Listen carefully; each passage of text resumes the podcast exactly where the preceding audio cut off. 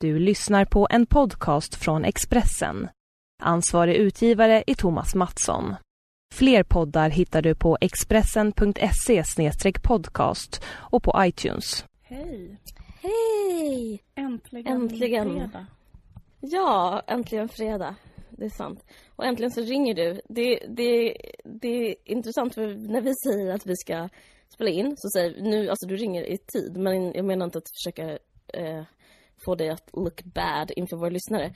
Men, det är inte, men den här grejen, vänta på att någon som ringer. Jag har liksom inte den relationen med någon människa nästan längre. Typ kolla på klockan, alltså så som man gör när man dejtar någon. Och liksom, eh, ja du vet. Och sen så bara eh, liksom försöka göra annat och ja. Eh, det är liksom en viss typ av genre i ens liv som bara tappar in där direkt. Känns det verkligen likadant? Det gör det inte va? Eh, jo, jag börjar skriva sms till mina kompisar. Vad tror du? Varför tror du inte hon ringer? Du kan dra åt helvete. Du gör en podd med en annan ful hora och jag vet det. Och...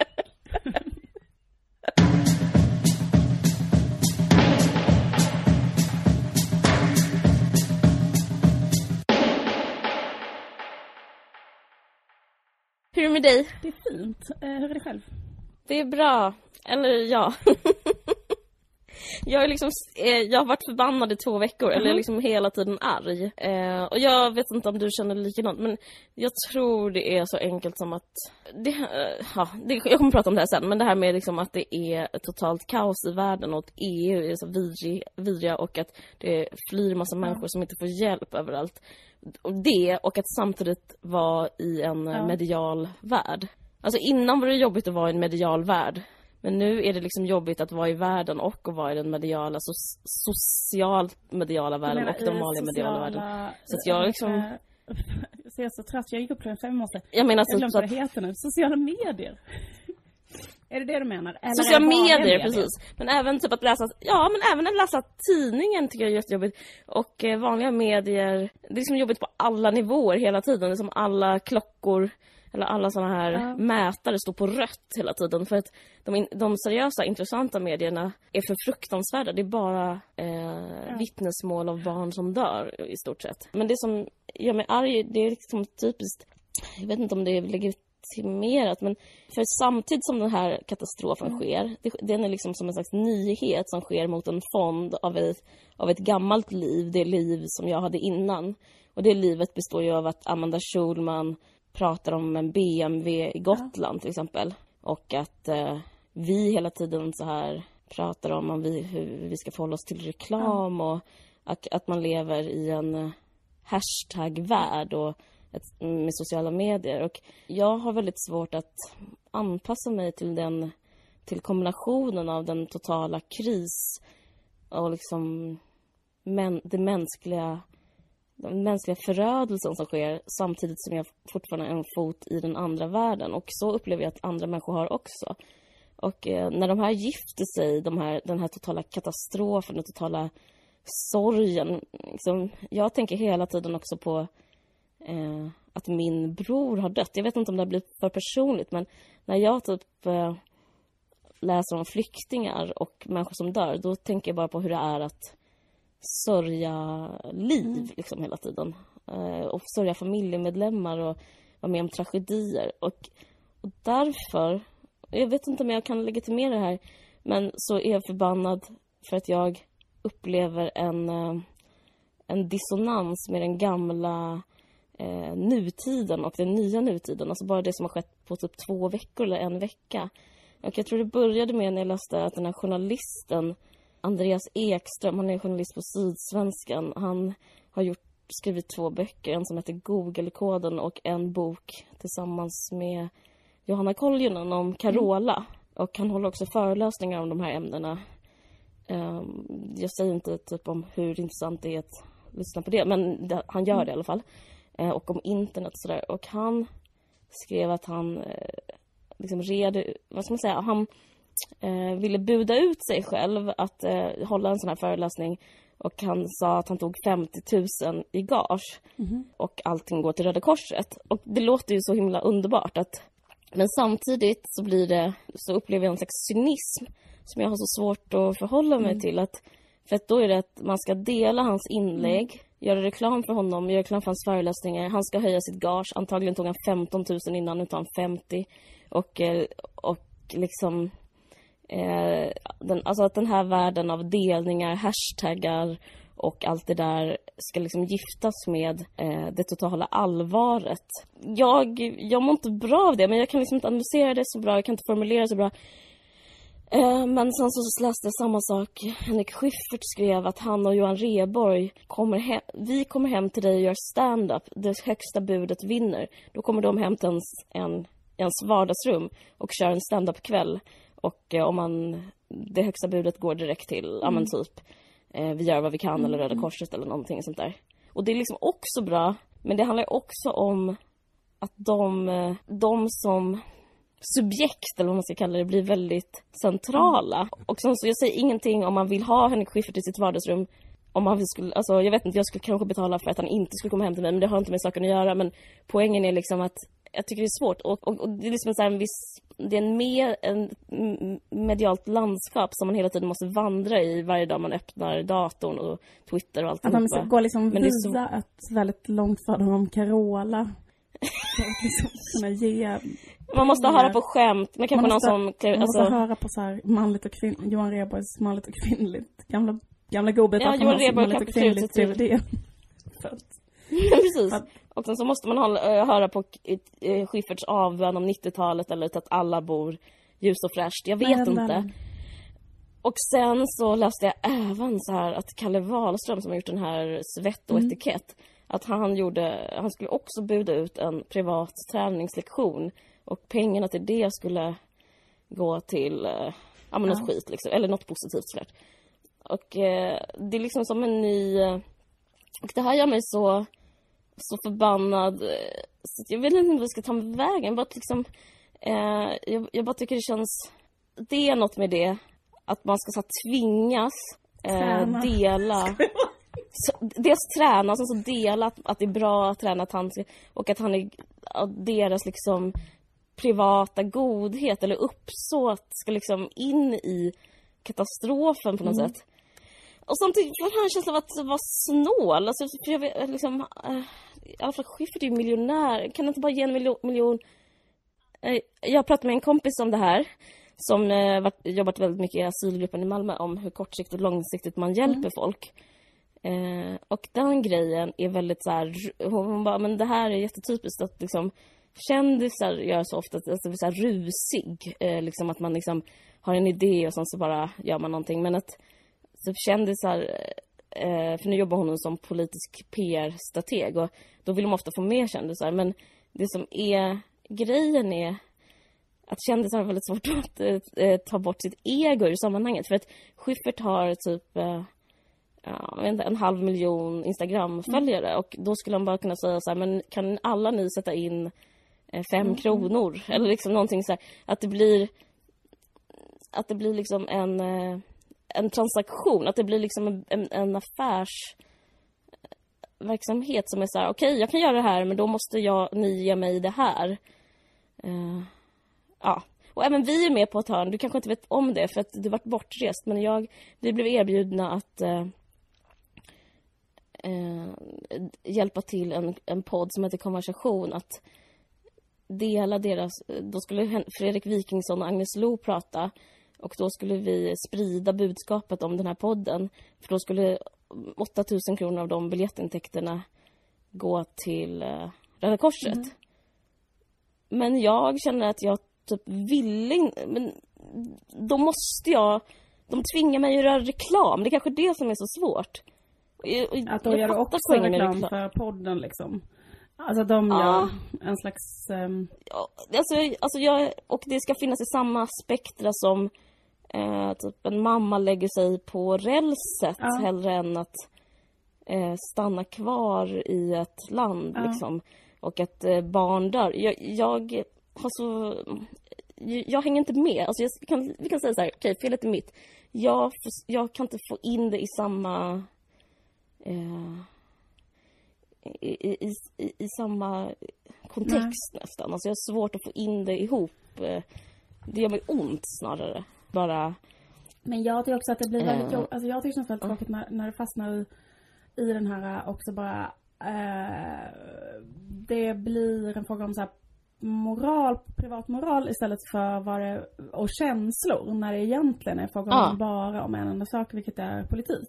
Det är så, här, det är så att EU har byggt upp regler som gör att den här situationen har uppkommit. Då är det så här, det behövs bara politiska beslut för att upphäva de reglerna. Alltså så, och det är så här, det är jättebra att vi Ja. skänker pengar allihopa. Det är jättebra att Anna Bok skänker pengar. Och, alltså fattar du vad jag menar? Men det är liksom Ja. så här, det är inte det som är den långsiktiga lösningen alls. Utan där måste vi bygga upp en, en politisk medvetenhet kring, kring kring vad det är som händer, vad behöver förändras och, eh, och liksom förändra det. Alltså det är ju det, är det som är trå. Det är liksom det är typ så för tråkigt att tänka på så hur eh, eh, liksom eh, hur EU måste så här öppnas juridiskt eller så här, vad det är för, men det är liksom de, det, det, det, det typ kan jag tycka känns väldigt segt att det blir så här bara liksom reduceras till en fråga om att så här, eh, vi, vi ska ge de här pengarna nu akut. Man bara jo, jo, men alltså det är ett system som är uppbyggt på det här sättet som har den här konsekvensen. Och, ja.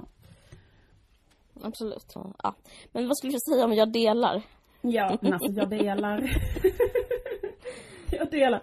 Jag var så här, jag var så här, jag så, jag, jag, jag måste säga, jag vet inte, men alltså har jag, har jag fel när jag känner så här, äh, vad, hur, är, det, är det inte liksom så osannolikt eh, tondövt initiativ? Eller har det flugit? Nej, det har inte flugit. Det har inte gått bra, har, vad jag har Nej men såklart. För jag bara känner så här, alltså. jag bara så här, det, det är så jävla konstigt. För det är som att Dagens Nyheter, tidningen, Mm. har tagit ett initiativ som är så här att hundra otroligt kända, Mm. privilegierade, i och för sig visst inte så kända, men ganska kända. Jo, men Tove Lo är ändå inte så känd. Men i alla fall, då var det typ så här. Eh, då sa det så här. ehm, Grundläggande värden som vi länge tagit för givna är satta under press. De måste försvaras. Vi står upp för medmänsklighet och humanitet. Vi tar avstånd från alla former av hat, hot och rasism. Mm. Kring alla människors lika värde finns inget utrymme för kompromiss. Delar du denna värdering, gilla det på Facebook-sidan eller hashtagga det. Mm. Exakt. Mm.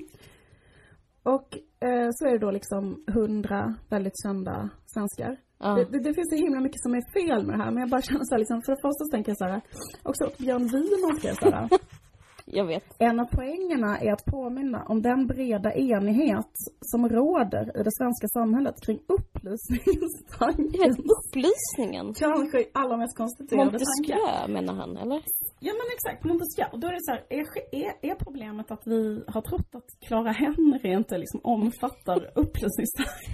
Vem av Rousseau, Montesquieu och Voltaire gillar inte Clara Henry? Och vi måste hjälpa. Att, eh, var det att det rådde en allmän misstanke om att så här, Persson typ ville ha kvar så ståndssamhället och vidskepligheten? Det eller så här, är så fanns innan världsfrånvänt. Upplysningstiden. Man bara så här, jag hoppas att de här människorna omfattar upplysningstanken om alla människors lika värde. Att vi inte liksom tror att så här, en Det är som att argumentera en- för penicillin typ nu. Ja, men Det är ändå bra med penicillin, vi bara kör.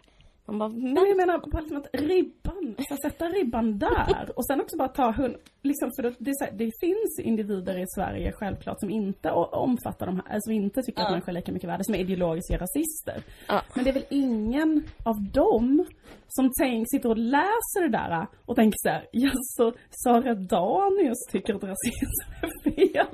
Men precis, Liksom, men det är ju det här jag det här- menar, det här som gör mig så jävla arg. För grejen är att det här handlar Det ju om här att är man ju ska... deras liksom hat, och det här är ju bara Ja. på, på deras kvarn. Här sitter så här, hela det så här präktiga etablissemanget.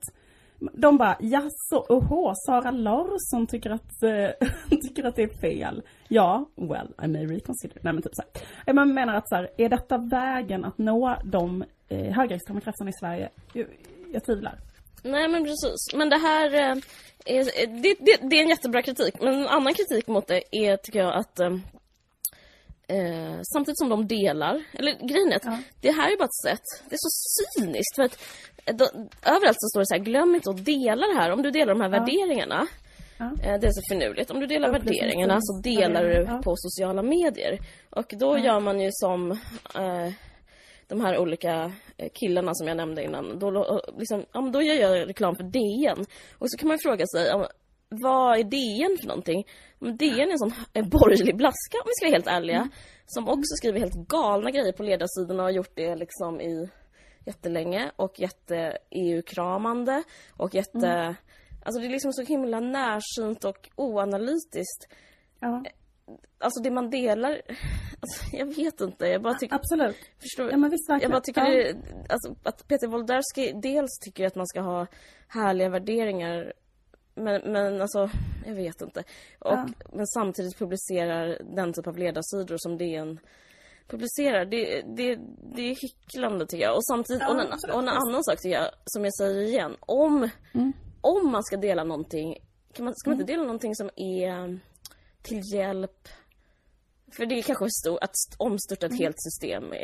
Jag, jag håller med dig om att det är det som är problemet, Mm. men det, gör, det kommer inte göras. Och då kan man ju i alla fall så här, sätta in pengar här eller typ bli Ja. Mm. volontär här. Nu är det ju bara så här olika filosofiska strömningar om att, ja men som Björn Wiman Mm. gillar upplysningen, Kerstin Ekman, hon, hon har alltid gillat typ att öppenhet. Alltså det är så himla luddigt och okonkret. Men också precis att det är så otroligt basic. Ja. Jag menar så här, det har vi väl för fan, liksom, den ribban har vi väl liksom hoppat över. Alltså, alltså så, i, speciellt liksom så här, i... Ja men, men just det, men, jo men verkligen, och, och jag ska fylla i vad du säger. Typ så här, också så här, kollar man då, läser vidare, vilka har skrivit under det här? Okej, sug på de här namnen, eh, Caroline. Antonija Axon Johnson, alltså en av Sveriges tio rikaste personer. Carl Johan Persson, VD för H&M. Jakob Wallenberg, Peter Wallenberg, Daniel Ek, VD för Spotify. Carola Lemne, VD för Sven- Svenskt Näringsliv. Det här är bara ett axplock av de människorna som... Det, det, så här. Då blir det så här, eh, de delar alltså eh, vä- värderingar om att det är fel med rasism. Nej men vad kul! Vad sägs om hashtaggen jag delar med mig?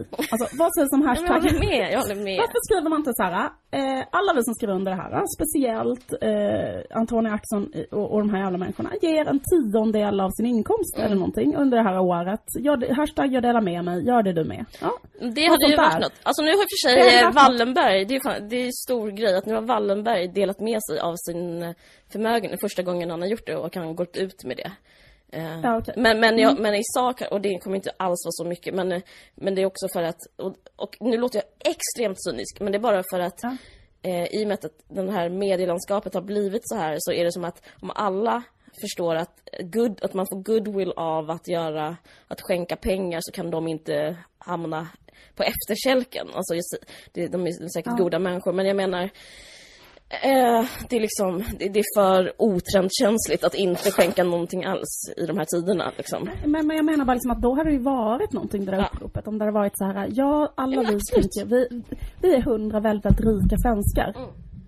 Eh, Clara Henry kan dela med sig lite grann av sina pengar, hon får från Always. Liksom, Mm. vad heter det, Zlatan kan eh, dela med sig av det, han får från Provivas jävla dryck. Alltså vad menar, eller vad det nu för skit. Alla de här Vitamin asrika människorna. Ja men absolut. Eh, det, Liksom. det, det, då hade det ju varit någonting. Nu är det ju bara Ja, precis. så här, vi, Eller- vi sprider reklam för DN. Ja precis, eller så här, jag delar en värdering som är mer progressiv. Till exempel så här, eh, vi tar avstånd från alla former av så här, juridiska och politiska hinder för att de här flyktingarna ska kunna ta sig in i Europa.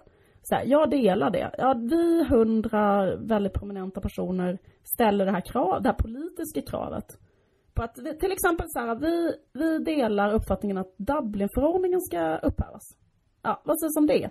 Men vad fan är det här? Vi tar avstånd från... Sen måste jag också säga en annan sak. Jag tycker den här meningen också så här, är värd att tänka på. Vi tar avstånd från alla former av hat, hot och rasism.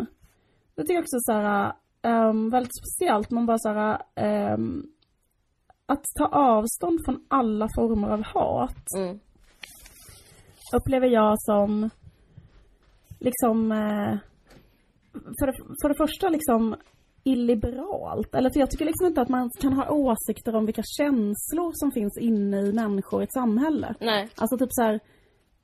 Och liksom, det finns en konstig moralism som jag tycker också har spritt sig väldigt mycket på sista tiden som handlar just om hat. Så här, hat Mm. är, att hat är fel. Så här, det är fel att hata någon på internet. Så här, Mm. Hata en offentlig person på internet är fel till exempel. Men det bara så här, men det är väl inte fel? Eller menar, om du inte hotar någon, om du inte gör ett juridiskt övertramp så måste du få skriva så här, jag hatar Liv Strömquist till exempel. Eller jag hatar Liv Strömquists podd, eller jag hatar Liv Strömquists serie. Det är inte så här, Eh, ska jag, liksom, då måste vi leva i ett totalitärt samhälle som har en aristokrati av kändisar som så ska vara då, eh, vad heter det, skyddade från den typen av, av saker. Sen är det en annan sak om någon då säger så här, jag ska döda henne och sådär. Det är ju en annan sak som, som är liksom redan skyddad av lagen typ. Mm. För det tycker jag också är så jävla konstigt. Det är inte en värdering som, det är inte heller att de människorna som, som, som, som gör det blir liksom på, jag vet inte. Tänker så här, åh Peter Englund tycker att det är fel. Vadå? Nej, men jag tycker det är så fruktansvärt cyniskt. Det är så fruktansvärt...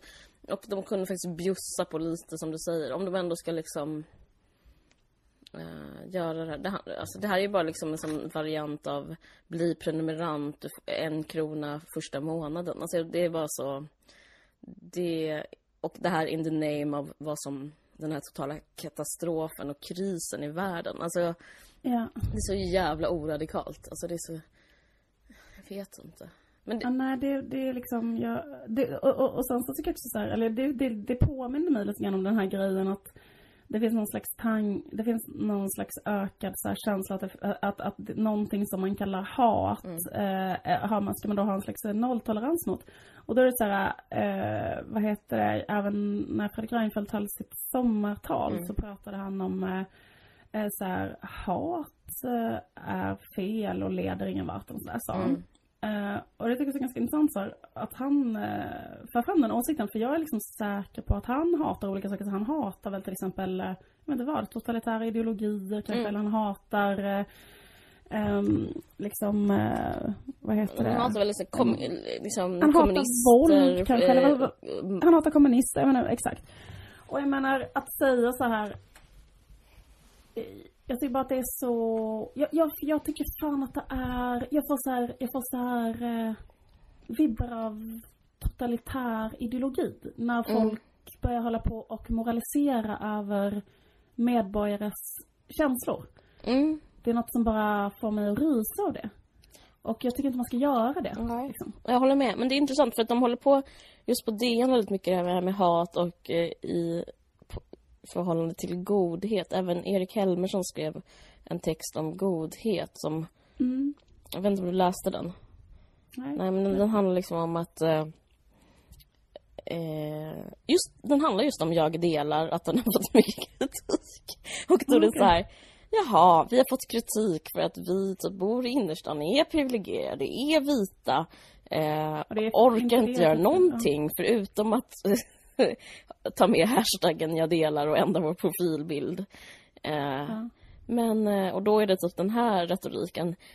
Men eh, ska man slå ner på godhet? Ska vi leva i ett samhälle där godhet inte får eh, finna, du vet, bla bla bla bla. Mm. Mm. Och, att, och, det, och det, det som händer där är att det fortfarande ingenting blir sagt liksom. Det är bara Alltså det är fortfarande inga liksom pengar som sätts in eller lagar som bryts utan det är liksom Det är fortfarande inga politiska krav på lika rättigheter. Nej! Det blir så jävla Det finns ingenting. Liksom. Istället ska man ska shamea människor som typ... Eh... Men det är intressant för det är som i sådana här situationer så får man inte nyansera. Det var många som skrev det på mig, till mig på min Facebook. Det är faktiskt inte rätt tid att nyansera nu. Eh, man får liksom... Eh, med argumentet om att allting är skit, och det är ju kaos, jag håller med om det, men så kan man inte liksom kritisera på ideologiska grunder eller politiska grunder. Ja. Men jag tycker som att det är en sak om så här, liksom på ett sätt så tänker jag så här, folk, alla människor äh, har börjat äh, känna någonting nu som är typ ungefär likadant och folk reagerar så som de själva kan utifrån sina förutsättningar. Så här, som de här kändisarna reagerar kanske på ett så här lite narcissistiskt sätt men det är ändå liksom så här Mm. att de gör något eller vet så här. Och det tycker inte jag är så eh, farligt egentligen. Jag- tycker bara mer faktiskt att det är... Uh, jo, det här man var tvungen att ha en Carola-föreläsning kanske var... Men jag tycker att det är ett större problem, den uh, anti-intellektualism som präglar den där, det där DN-uppropet. Det tycker jag att det, liksom det känns som ett demokratiskt problem, att en Sveriges största dagstidning liksom är, har så låg ribba liksom.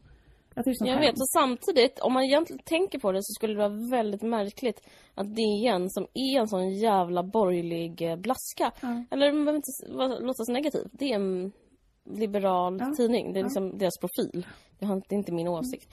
Eh, att de skulle göra någonting som inte var i, i linje med deras vanliga ideologi. Alltså det här, det man kan liksom ge dem är att det här är i linje. Det här, att, att säga något radikalt skulle vara att vara en annan tidning. Så att... Ja, fast jag tycker ändå att det bryter mot vissa så liberala så grundprinciper. Ja. Typ det där med känslor till exempel. Så att Jo, det är precis sant. vilja och sen tycker jag också att det är ett försök att vara aktivist så här, på, på ett Mm. sätt som kanske egentligen inte heller ligger i linje med dem. Men om man ska Nej. vara det och om man känner, har telefonnumren till alla de här människorna som jag nämnde innan, H&M's VD och Sveriges rikaste Mm. människor.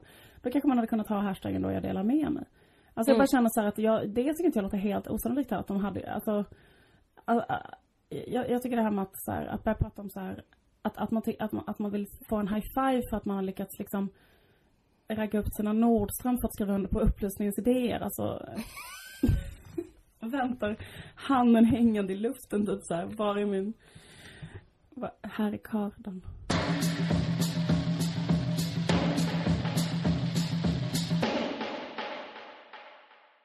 Dan Josefsson har blivit singel. Nu, nu vill jag ha typ en ljudeffekt som är typ så här, eh, så tjejer som visslar. Tjejer som skriker. Ja. Eh, denna bomb. Ska du förklara för lyssnarna vem Dan Josefsson är? Mm. Dan Josefsson är ju en väldigt eh, känd journalist. Han är känd för killar genom att han har skrivit en bok om Thomas Quick. Han är känd för tjejer för att han har skrivit en bok om relationer som heter Hemligheten. Ja, Eh, det som viktigaste med han- honom är att han har skrivit om anknytningsteorin. Ja, det är det han har skrivit i Hemligheten. Precis. då ju. Han har liksom skrivit en bok som förklarar varför killar är avo- avoidant eller svåra liksom att bli ihop med.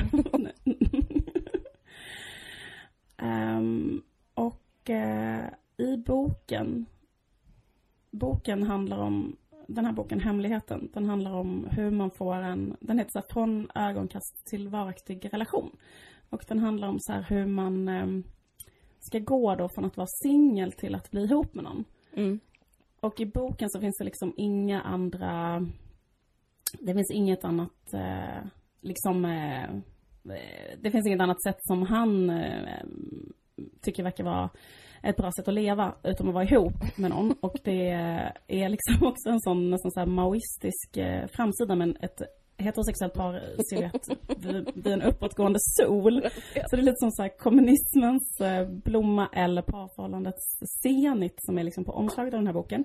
Men eh, jag måste också säga att boken är väldigt bra, jag rekommenderar den till alla. Eh, men i alla fall, här, eh, han, han skrev den boken för att han eh, beskriver i boken hur han då varit en arbetsnarkoman som varit en eviga singel och inte förstått varför han liksom aldrig blir kär i någon eller vill liksom träffa någon en längre period utan alltid bara så här är, är jätteundvikande. Och sen så träffar han en psykolog och då förstår han att det är för att han har eh, vad heter det, en otrygg anknytning från han är bebis. Vilket gör att han omedvetet eh, av rädsla för att bli övergiven, eh, vad heter det, avvisar kvinnor innan han har hunnit liksom eh, bli avvisad själv typ. Mm. Eh, och eh, så förklarar han lite så här hur det där går till. Men ja, men precis. Och då slutar det med att i boken är det så här att han, det, hans terapi slutar med att han träffar en tjej och får ett barn. Så. Ända tills nu när jag öppnade DN för några dagar sedan och läste en intervju som Dan Josefsson har gjort med Martin Kellerman. Och mellan raderna hela tiden i den här intervjun så fläker Dan Josefsson ut sitt eh, eget singelskap så här. På flera, flera, flera, flera ställen så är det liksom eh, så här väldigt uncalled for information om att Dan är singel. och nu finns på Tinder. Men det här är inte första för gången oss- han fläcker ut sig. Han, han var ihop med Maja Lundgren som skrev Myggor och tigrar. Alltså. Just Och det. då gick han i svarsmål, också i DN. Och sa hur, Mm. han, hur han upplevde det var, det var att vara ihop med henne. Eh, Precis, för det kan ju säga så liksom, kanske den, om man vill följa hela Dan Josefssons eh, kärleksliv så ska man börja med att läsa Myggor och tigrar. Mm. För att Maja Lundgren var ju då en person som skapade en jättestor skandal genom att skriva en, jätte, en bok där hon lämnade ut en massa personer. Och då lämnade hon väldigt mycket ut en journalist som hon upplevde som då jätteavoidant, jättesvinig man som inte ville binda sig och så. Hela boken bygger nästan på det. Mm. Alltså på ett sätt är han hennes musa. Ja. Han är ju verkligen hennes musa. Mm. Så hon fick sånt bränsle att skriva liksom en helt galen bok liksom om Ja. eh, jätte, en jättedålig relation.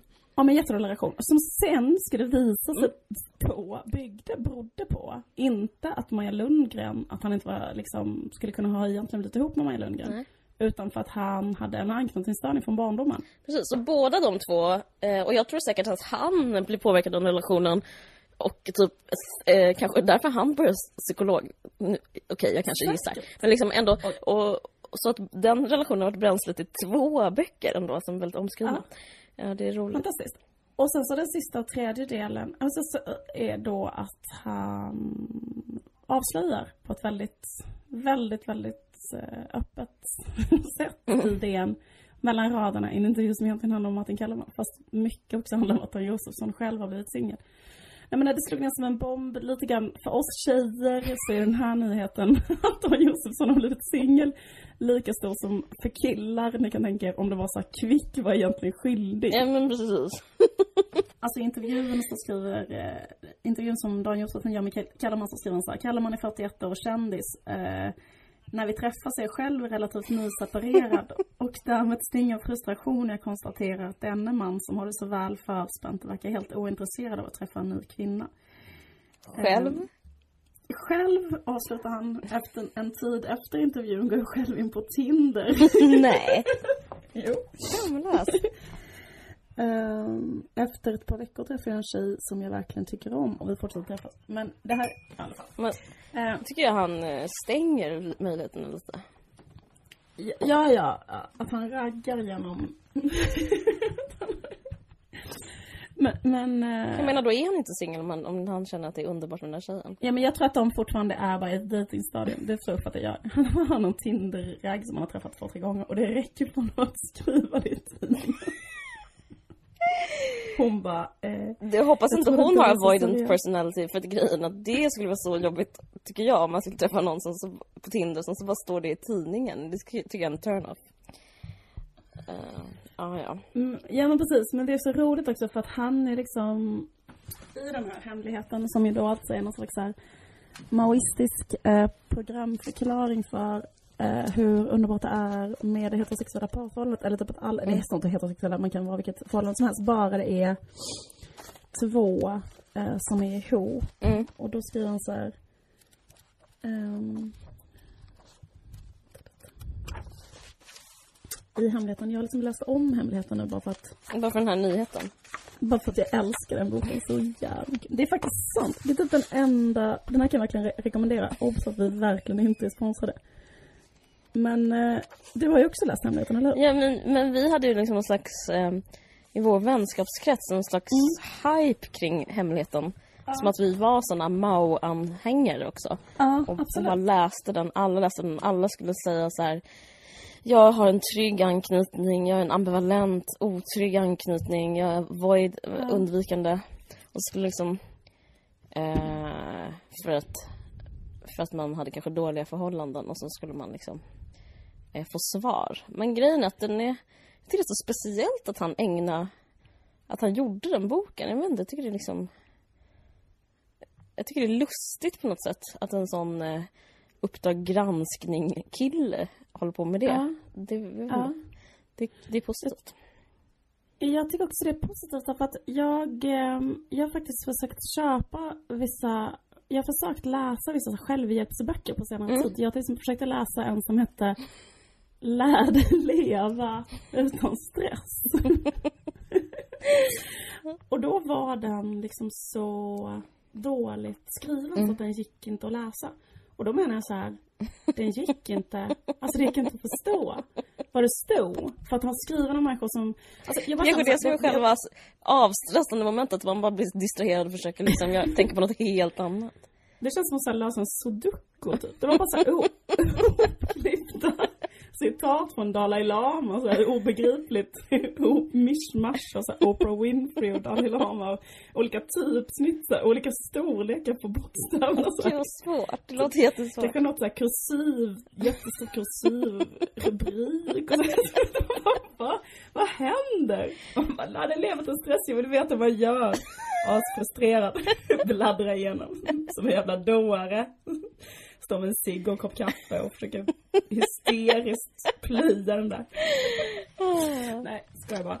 Men, men, Ja. men grejen är så här, jag tror faktiskt på riktigt, Mm. jag har gett vissa andra entreprenörsidéer i den här podden och jag liksom ska verkligen vilja ge en till och det är så här, en läslig självhjälpsbok. Alltså bara, alltså, och det är det jag säger också med att det är så jävla låg nivå bara rent så här språkligt. Jag tänker så här, att om en människa som bara kunde skriva en helt vanlig mening skulle börja göra självhjälpsböcker Mm. så tror jag att det skulle finnas en stor marknad för det. Alltså en bara lite, lite, lite, lite bättre Mm, självhjälpsböcker. mm, absolut. Och, och den här är verkligen en, eh, en sån, liksom en av de få Mm, det är en bladvändare, det är ovanligt. det är, en, det är en väldigt bra självhjälpsbok. Mm, det är sant. Den heter så Hemligheten Dan Josefsson. på en ögonkast till relation av Dan Josefsson och Egil Linne, Linge, eller vad han heter. Egil Linge.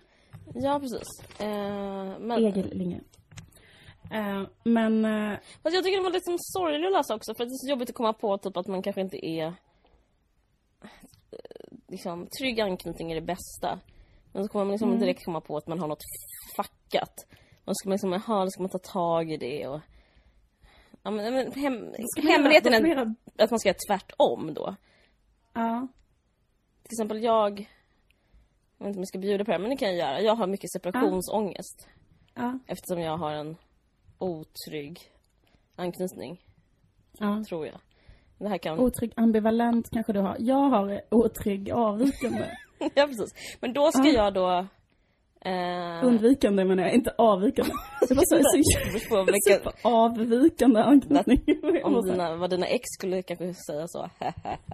ska jag bara. Nej, men, eh, men jag har då ambivalent Mm. otrygg. Och då har man separationsångest bland annat. Och då ska man eh, bara uppmuntra att eh, liksom separationer istället. För det man vill göra är att, liksom, att kväva partnern. Mm. Och då ska jag inte kväva partnern. Nu kanske det låter Ja. väldigt eh, eh, basic, men det som är svårt att förstå det i sig själv är att man bara går på känsla i relationer. Så det som är bra med hemligheten är att man eh, får det här, det kastar ljus på just ens beteende. Sådär. Ja men precis, för liksom om man har den här, äh, det finns två, alltså grejen att Vad har du nu igen? Du har ot... Nej, har inte du trygg? Har du trygg? men, men jag tror att jag har trygg egentligen, fast jag har liksom väldigt så här drag. Alla problem Ja. med mina relationer beror på att, eh, på drag av otrygg just undvikande. det. Undvikande skulle Så jag skriva liksom- under på direkt, men jag tror att du är trygg undvikande. Kanske inte ens finns. Nej, men jag har liksom, vad heter det, ja, men liksom det, när det inte funkar för mig att ha relationer, då är det verkligen på grund av att jag är då, har det där otrygg undvikande.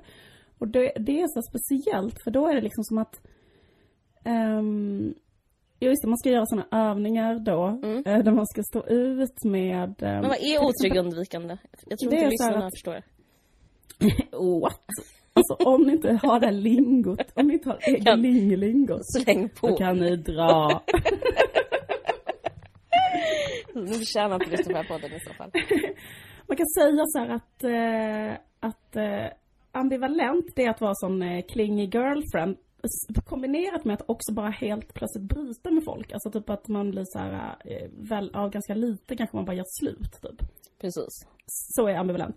Men Typ som eh, girl undvikan- interrupted, typ sån. undvikande är den här, inte bli kär i någon sen när man är, eh, vad heter det, eh, ty- tycka att eh, partnern är typ klängig eh, och sen eh, inte liksom typ själv ge sig hän. Det handlar om att man går på tanke hela tiden, inte för, istället för på känsla. Ja. Så att man typ är förnuftig hela tiden, är vilket gör att man typ inte riktigt kan känna. Eh, Man är Minus pares. Blink till förra avsnittet. Serial.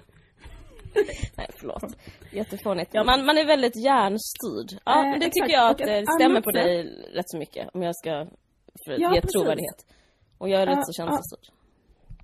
Exakt, men grejen är så att då, då måste man det som jag måste göra då, det är så här, lyssna på det som man kallar för den lilla liv. Den stora liv säger så här. Din kille är ute hela natten med en hora. Då säger stora liv, det gör inte så mycket för att jag klarar mig själv, jag går bara och lägger mig nu. Så vaknar jag små så behöver inte det göra så mycket. Alltså typ sådär. Mm. Och så lilla liv säger så här, jag är ledsen för att min kille inte vill Mm. ligga med mig.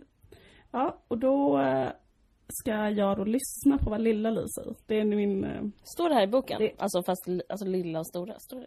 han, ja det står lilla och stora. Och lilla är känslan. Och stora är tanken. Okej. Men Intressant. Och typ- jag känner mig hjälpt och- nu för jag måste lyssna på stora Caroline för jag... Just det. Just nu är det bara lilla Caroline som härskar. Eh, verkligen. Är det det? Ja. För grejen är så att stora Caroline, precis för att lilla Caroline skulle kanske säga då, om man tänker sig så här, ja, en, en, en enda känslan styr, där det lilla Mm. barnet inom en styr. Då är det så här kanske att så här, eh, någon inte, alltså någon kanske inte svarar i telefon. Mm. Och då kanske det lilla, den lilla eh, Caroline känner så här, den eh, vill inte vara ihop med mig, den är ett slut, slash den har råkat ut för en olycka, den har dött. Den, eh, eller så här, något sånt där. Jag ringer den nu var tionde minut hela natten, om den inte svarar så går jag och bankar på dörren. Och så, så här. Mm. Men medan liksom, då skulle man lyssna på den stora Caroline så kanske det så här, "Åh, eh, han eh, eller hon har bara eh, kanske telefonen eller laddat ur eller har bara somnat tidigt ikväll eller du vet sådär. Det har säkert inte, alltså Ja, något som är mer, mer egentligen rimligt. Precis. Ja. Nej men precis. Ja men så... ehm, men i mitt fall är det mer så här eh, att eh, personen i fråga inte ens får lämna rummet så den personen skulle aldrig vara ute hela natten. Alltså det är liksom så att det är mer som att eh, lilla Caroline kan lilla Caroline vara snäll nu och låta personen gå och handla utan att liksom känna sig misstänksam och utanför och ja. Ja. Men det är intressant. Jag ska faktiskt börja ta Men då upp får den det här. stora Caroline säga så här, nej för att eh, man behöver mat också i det här hushållet.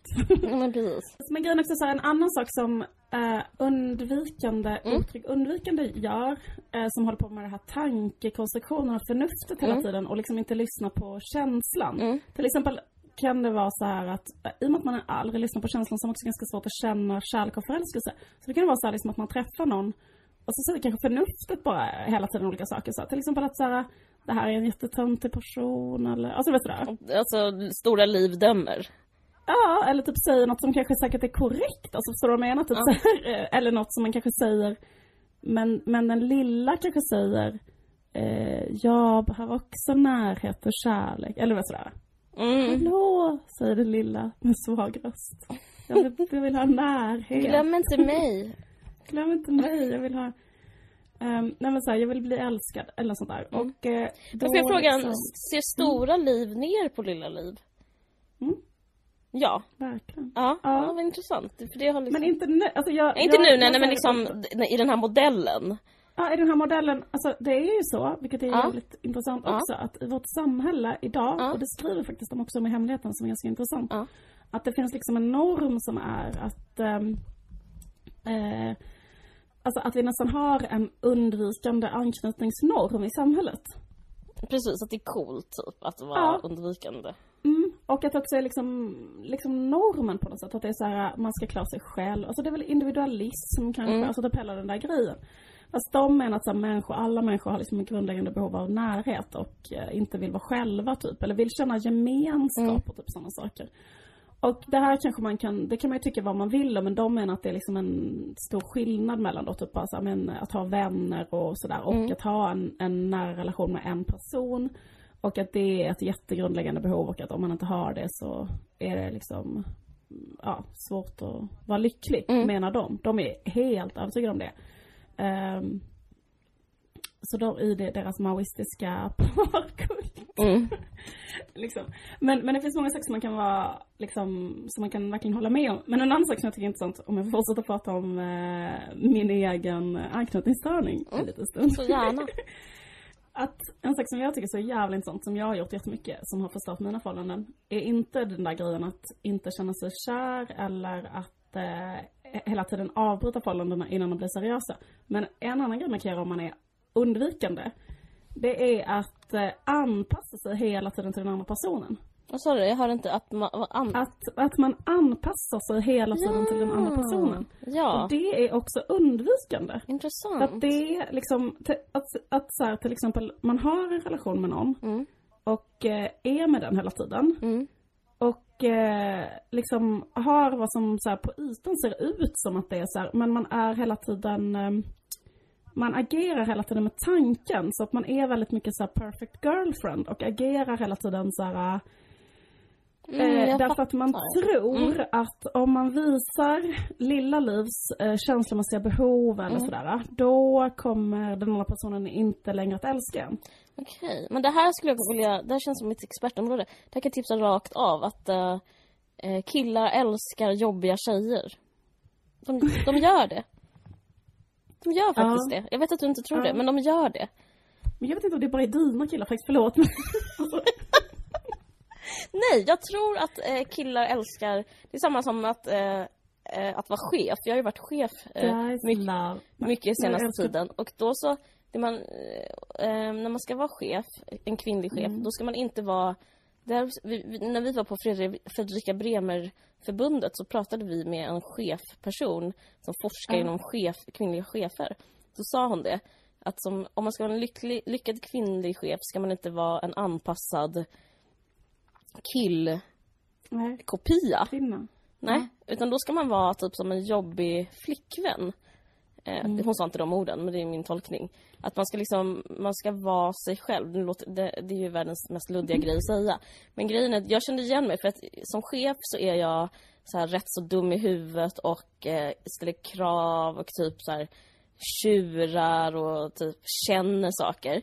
Och då så eh, lyssnar folk för att man Ja. är man visar sig själv hela tiden på något sätt. Ja. Och så, och det påminner exakt som mina relationer. Då är jag hela tiden...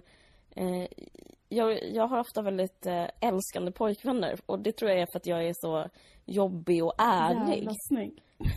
Nej, för att jag liksom är så här... Folk vill ha tydlighet. Man vill inte liksom vara ihop med någon som är...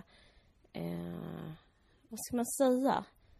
Men det blir Jag så tror ingen vill ha perfektion, tror jag. Jag tror inte det är intressant. precis, men, men, ja, precis, men alltså i, i de här, eh, liksom, det är mycket möjligt att det är så, men liksom, i själva teorin så är det liksom så att det spelar ingen roll så vad man tror att man vill ha eller någonting, utan det som händer är Ja. att man aktiverar ett mönster som man har lärt sig från man var liten. Ja. Så här, det här, alltså till exempel så här, sättet för mig att få kärlek det är att vara väldigt enkel Mm. och anpassningsbar och lätt att ha att göra med och inte visa känslomässiga behov. Mm. Typ, ju mer jag är så Mm. och låter förnuftet styra och till exempel ta ansvar för mig själv och eh, du vet så här, ju, ju mer jag tycker, liksom. Ja, då får jag utdelning Mm. på det. Det, det. det är sättet att få kärlek och det är väldigt Mm. inlärt och har man lärt sig Mm. det väldigt Mm. länge.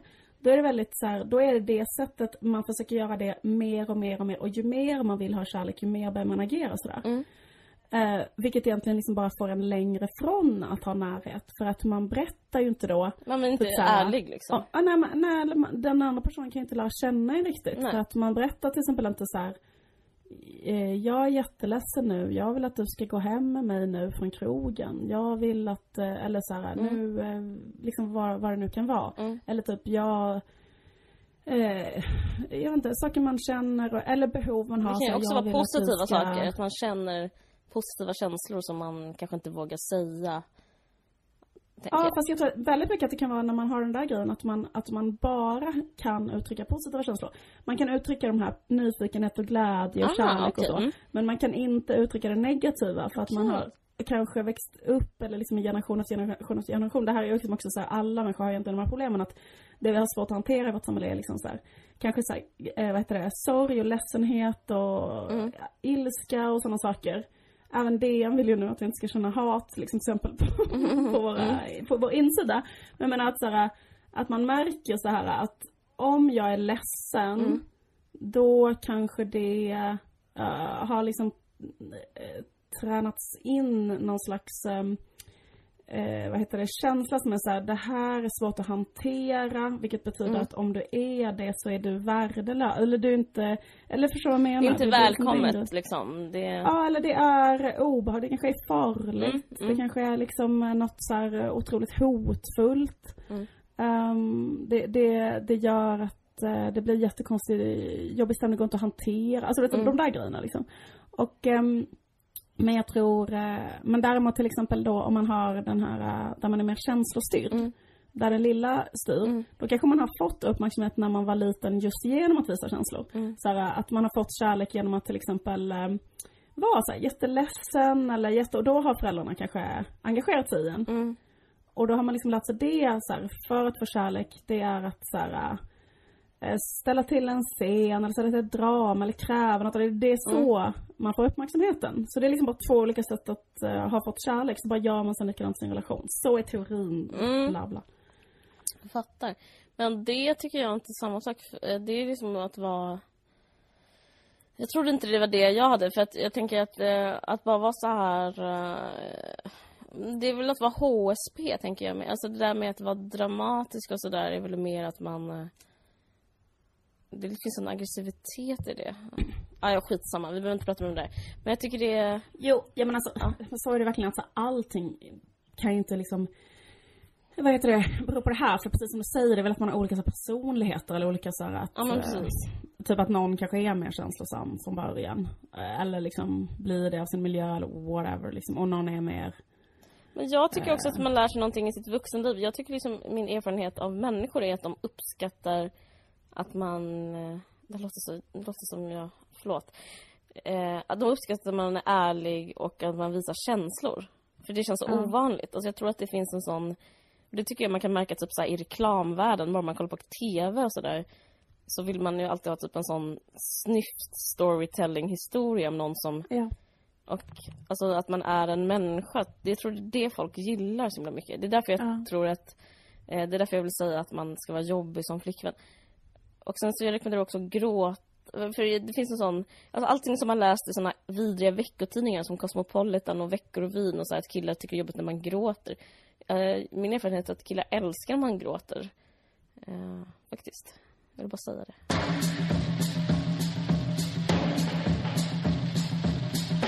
Här kommer mitt sista ämne. Som är BFFs. Vet du vad det betyder? Mm. Best friends forever. Precis. Mm. Eh, nej men för att eh, eh, det började med att eh, det stod i Vanity Fair om Taylor Swift. Mm. Eh, och om hennes tjejliga. Mm. Den har liksom blivit uppmärksammad på massa håll. Hon har typ Aha. jättebra tjejkompisar där alla är fotomodeller utom Lena Dunham som är känd i alla fall. Mm. Men hon, och de har liksom, de delar allt, kan snacka om allt. Hon säger saker till dem hon skulle aldrig säga till någon. Eh, men hon kan lita på dem. De har typ en mailtråd eller om det är Facebook-chatt, mm. whatever. Eh, mm. Och hon typ pratar om det här kanske 17 gånger senast i Vanity Fair. Eh, och sen så bara, ja visst, fine. Eh, och sen så läste jag i New York Times om, eh, om just den här trenden där de tog upp Taylor Swifts eh, vänner och Taylor Swift liksom, vad ska man säga? Uh, vad heter det? Varumärkesbyggande som kompis. Att uh, de, ja. eller inte bara henne, utan de tog upp det som en ny trend för, för liksom uh, de senaste fem åren. Att det som du och jag håller på med. Ja men precis. Och jag känner det är intressant för att jag känner mig lite träffad och lite skamsen. För att, för, för att man liksom håller på, det som är bromance med killar, det har liksom funnits ett tag. Som en slags längtan, man, alltså det säljer en dröm om en vän och en, liksom, ja. det säljer en längtan till en eh, till ett roligt liv, det är liksom bromance. Men att även tjejer har börjat med det, liksom att det finns det här eh, Dels finns Girls, dels finns Broad City, det finns massa olika och nu har Taylor Swift liksom gått all in och liksom istället för att eh, och att det är ett nytt sätt att psyka ut eh, psyka ut massorna. Alltså innan har man alltid psykat med att man har, man har en så snygg kille eller tjej, att man är ett heteronormativt par och så ja. håller man på att boosta den normen. Som Kim och Kanye typ. Ja men precis, man bara boostar, boostar, boostar. Man är, man är ett par, man är ett par, ni är inte ja. ett par, vi är ett par. Ja. Eh, och så håller man på så i all evighet och så bygger man en dröm som folk vill ha åt. Och så säljer mm. man saker på det typ. Men att det blivit så här trendigt med att ha tjejkompisar. Och mm. att eh, även så Nicki och Beyoncé fotas på röda mattan och eh, att det är liksom, ja den här artikeln i New York Times då, söndagsbilagan, handlar om att eh, liksom om det är på riktigt, om det är cyniskt att liksom finns den här är det här liksom ett sätt att tjäna pengar eller liksom är det här ett sätt att liksom vara radikal på riktigt? Är det ett feministiskt uttryck och bla bla bla bla bla. Eh, men man kan även se det i Sverige, liksom att hur den är så finns det ju liksom en... Det finns ju en gångbarhet får man ändå säga liksom. Alltså det kan inte vara en slump till exempel att Meltzer och Berg håller på med Nej. sitt och att eh, eh, även vet du, Rakel Molin och Josefin Bornebusch har en ny Mm. serie. Det är liksom... Jag vet inte, jag bara tycker det är intressant att det är liksom en ny... Att man form, formar... Liksom försöker göra en ny norm för att normer är så effektiva i... Eh, att vara, alltså, normer är så attraktiva för en publik liksom. Ja. Ehm, ja, och även vi kanske är, liksom hamnar någonstans i det här ledet av att vara så här Ja. två kompisar som har en podd. Ja. Eh, och det är så jävla härligt. Och att då lyssnar folk liksom på oss och så lyssnar de på idén om oss. Ja, ja precis. Men jag får känslan, jag måste säga så här, vi är ju kompisar på riktigt och det tycker jag gör... Jättebra, säg det, säg det. Jag ska. Jag säga det och spä Nej, jag- bakom kameran. Nej men, nej, men Ja. och sen så får man känslan, för jag får känslan att Meltzer till exempel eh, Nej men jag får känslan att de inte känner varandra, eh, eller Nej men det är ingen känsla, det, de motsatt. säger det att eh, Ja. de hade inte träffats för ett halvår sedan. Typ.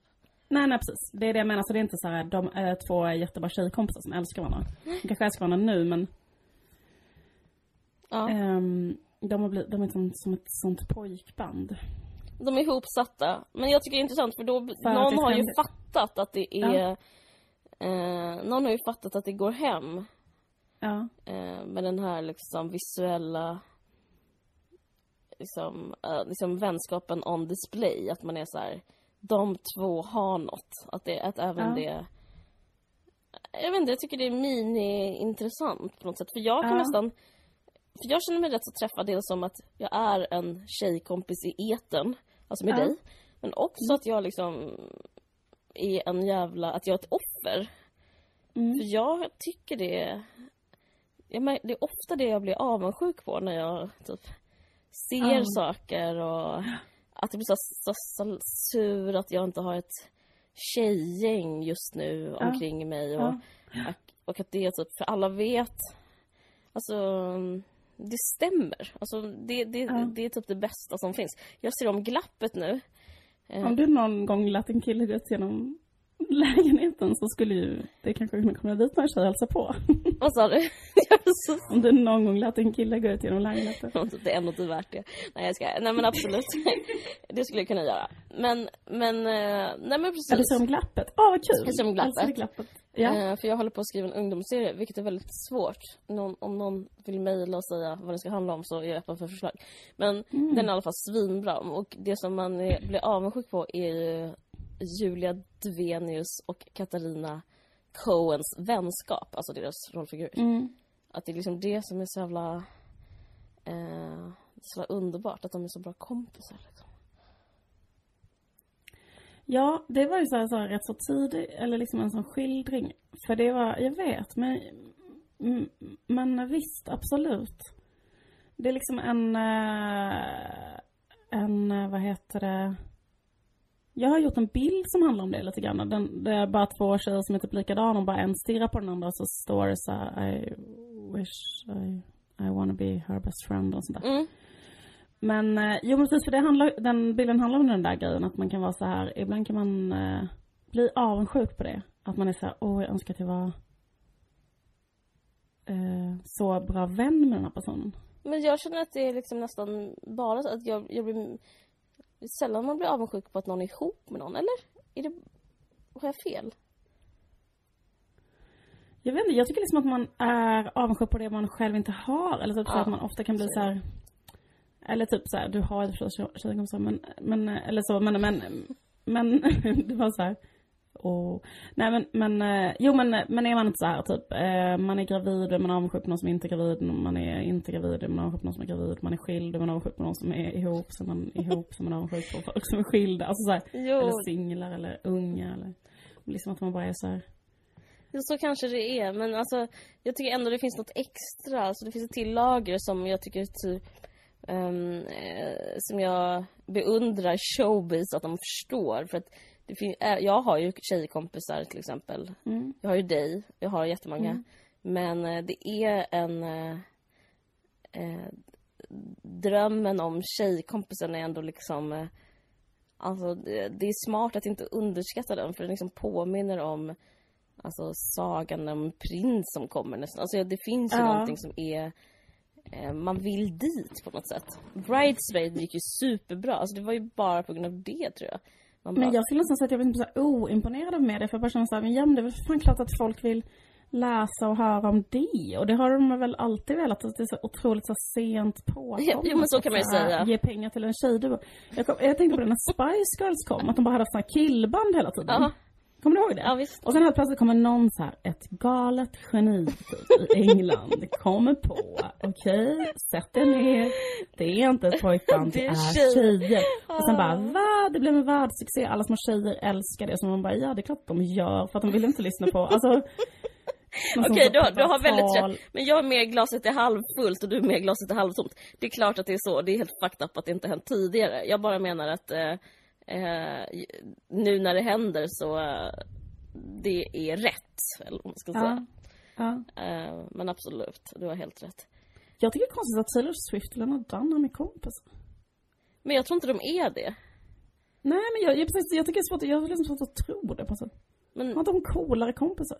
vem av dem?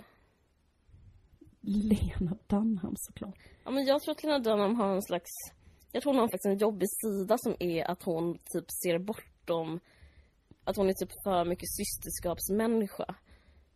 Att hon bara, hon är en töntig person som har töntiga texter och musik och kommersiell idiot. Men jag eh, kommer inte frysa ut henne eh, för att jag vill, jag tycker systerskapet är viktigare. Då måste hon vara kompis med henne.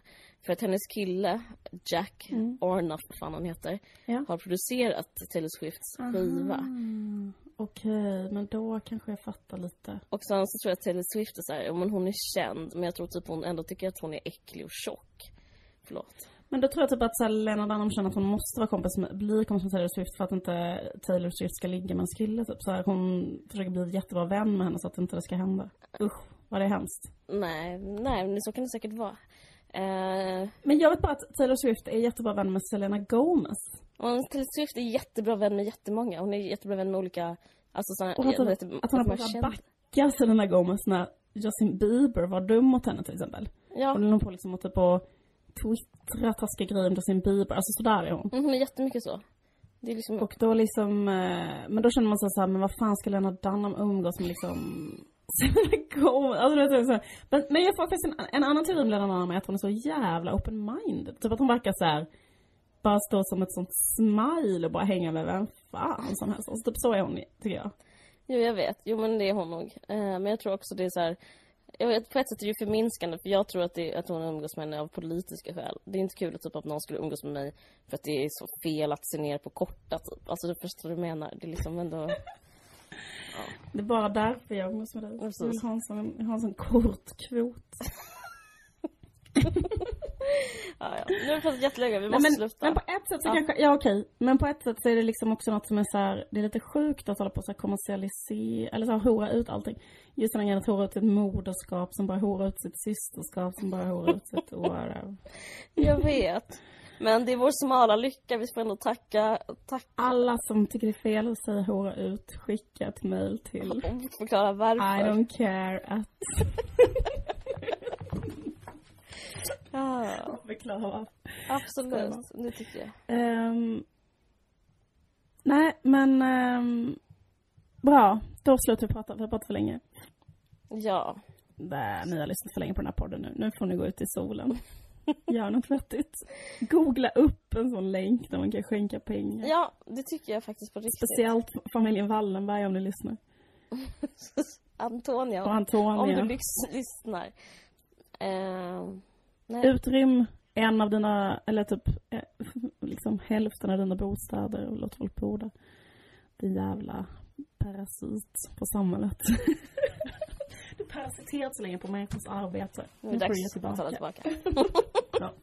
Nej, ehm, Ehm. men det, jag tycker det är jättebra. Nu säger, säger alla att eh, så här. Jag läste faktiskt en intressant artikel i Sydsvenskan. Det som hjälper är, det, det är självklart, men jag säger det igen. Mm. Eh, fast eh, de ma- människor behöver kläder och skor så behöver man ännu mer pengar. Och det kan man, det kan man räkna ut med röven. Sätt in pengar istället för att typ rensa ut garderoben och slå två flugor i en smäll. Sätt in pengar till Röda Korset till exempel. Mm. Det är jättebra. Det tror jag många har fattat vid det här laget. Ja. Jag menar inte underskatta någon, särskilt inte våra lyssnare. Nej. Nej. Eller Ehm. buda på Henrik Schyffert och Johan Rheborg. Får man ligga då med Henrik Schyffert om han kommer hem till Om han verkligen har brytt sig om de där flyktingarna så tycker jag att han borde ha erbjudit så här. Erbjudit sex. Ehm, Jag bara tänker att det är... Vore inte totala mardrömmen att typ en stå-upp-komiker kom hem till en? Det är så jobbigt. Alltså väldigt Alltså stämningen. awkward.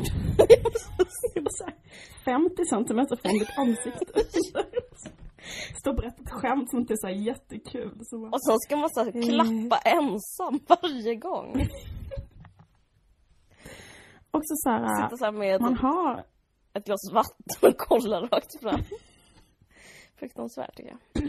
Men det är väl ändå bättre att han gör så än att han inte gör något, är inte? Jo, det, Eller absolut, absolut. Men det, så här, det tycker jag verkligen. Och jag tycker verkligen whatever works. Det är min, min liksom, vad ska man säga, Och jag tycker att han, alltså han är så pass bred, så det finns en massa killar där ute. Som sitter och tänker så här hur kul det var med fyra näsor brunt. Fast de har inte Men tänkt kommer han på köra den sketchen, kommer Johan Rheborg han köra den sketchen med de koreanska adoptivpäronen? För det tycker jag känns lite konstigt. De gjorde sån rassegrej på 90-talet. Men, eh, jag vet inte. Nej jag vet, men, men eh, jag... eh, Jag vet. Det, han är sån trigg... Du vet när man, har, man pratar om så här trigger, triggerord nu och sånt där. Så Killinggänget och Henrik Schyffert, det är så här trigger... Du hatar dem så mycket. Ja, Du hatar dem mycket. Okej. du, Ja. du hatar inte dem alls lika mycket men, men jag känner att de har förstört mitt liv. Okej. Jag känner att de har... Jag känner som Ester känner för invandrare. Jag känner att de har tagit mina, mina Är det jobb. lilla Caroline som, är det lilla Caroline som pratar nu? De har, nej, Stora Caroline kan de faktiskt objektivt se att de får med alla gig på SVT. Det kan Stora Caroline se. Men, eh, ja. Jag känner att de dominerar media på, på felaktiga grunder. En gammal grund som kallas patriarkatet. Okej, jag ska sluta nu. Ehm, nu låter vi. Lilla Caroline håller vi- med vi stora lutar. Eh, s- Lilla Ehm. Caroline backar Stora Caroline. Lilla Caroline gör en hashtag som heter backa Stora Caroline.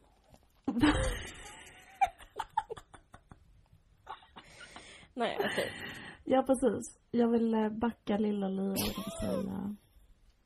Eh, precis. Jag vill ha närhet. Kanske genom att köpa en ståuppkomiker som ska vara hemma hos mig. Enda sättet. Jag med min undvikande anknytning till att få närhet till andra människor. Ehm, nej men grejen är att en sak man kan göra då, ska jag säga bara för att, eh, eh, som jag själv också övat på lite grann, det är det här att göra tvärtom. Eller att man kan göra övningen bilfärden. att man ska så här, till exempel då vara en jobbig flickvän. Mm. Exempelvis gråta, Mm. ringa till sin kille och säga så här, jag vill att du ska komma hem istället för att vara hemma hos din eh, kompis. I min värld kallas det ringa till sin kille. Då, då, om, om lilla Liv gör det, Mm. då kommer stora Liv och bara bitch-slappar upp lilla Liv så jävla mycket och är såhär, vad fan håller du på med? Ja, okej, du?" vad intressant. Ja. Och då måste jag bara, då, måste, då ska man göra en övning som heter bilfärden. Mm, som är att man så håller ut ångesten av att göra en sån sak. Eh, tills ens kille kommer hem och mycket riktigt, precis som du sa, blir kåt av att man gråter. blir jätteglad över att bli hemringd. Älskar en crazy girlfriend och så vidare. Så man får utdelning då direkt. Men grejen är så här, men eh, det är liksom, eh, jo men då, jo precis, men då måste man så hålla ut Mm. känslan. Man får inte ändra sig Men- under, under liksom, vad fan har bilfärden med det att göra? Jag menar inte att kritisera Det, någonting. det, det heter bilfärden för man ska låtsas att man åker bil genom ångesten då, alltså hålla ut i känslan. Nej, man kan inte, man kan inte bara stanna mitt på vägen liksom. Nej men man, man får kanske olika stoppskyltar som är såhär, gör inte det, berätta inte hur du känner dig. Det är Mm. farligt att ställa ett känslomässigt krav. Om du gör det kommer ingen att älska dig. Typ sådana Mm. skyltar kommer upp vid, under bilfärdens gång. Men då ska man vara så här: jag läser skylten men jag åker ändå vidare till crazy girlfriend land. Där står jag och vinkar. Du bara, välkommen my BFF. Men det här kanske också är nyckeln till varför Dan Josefsson är singel. För att om han har bara, det känns också jobbigt att vara ihop med någon som är så typ så här. För att kunna gå och ta ett, för att kunna typ så ta ett glas vin med sin tjej en kväll så måste han typ andas i en fyrkant. Ha sån här tanke, känsla, handling, KBT-triangel för att kunna så här, ha en myskväll. Ja. Ändå jobbigt att vara ihop med någon som är så. Men okej, vi slutar. Det här, ni har lyssnat på en Varje söker sin podd. Jag heter Caroline Ringskog Ferrada-Noli. Du heter Liv Strömqvist. Yes. Eh, Den här podden görs i samarbete med Expressen Kultur. Ha det så bra. Trevlig helg. Ha det gott. Hej.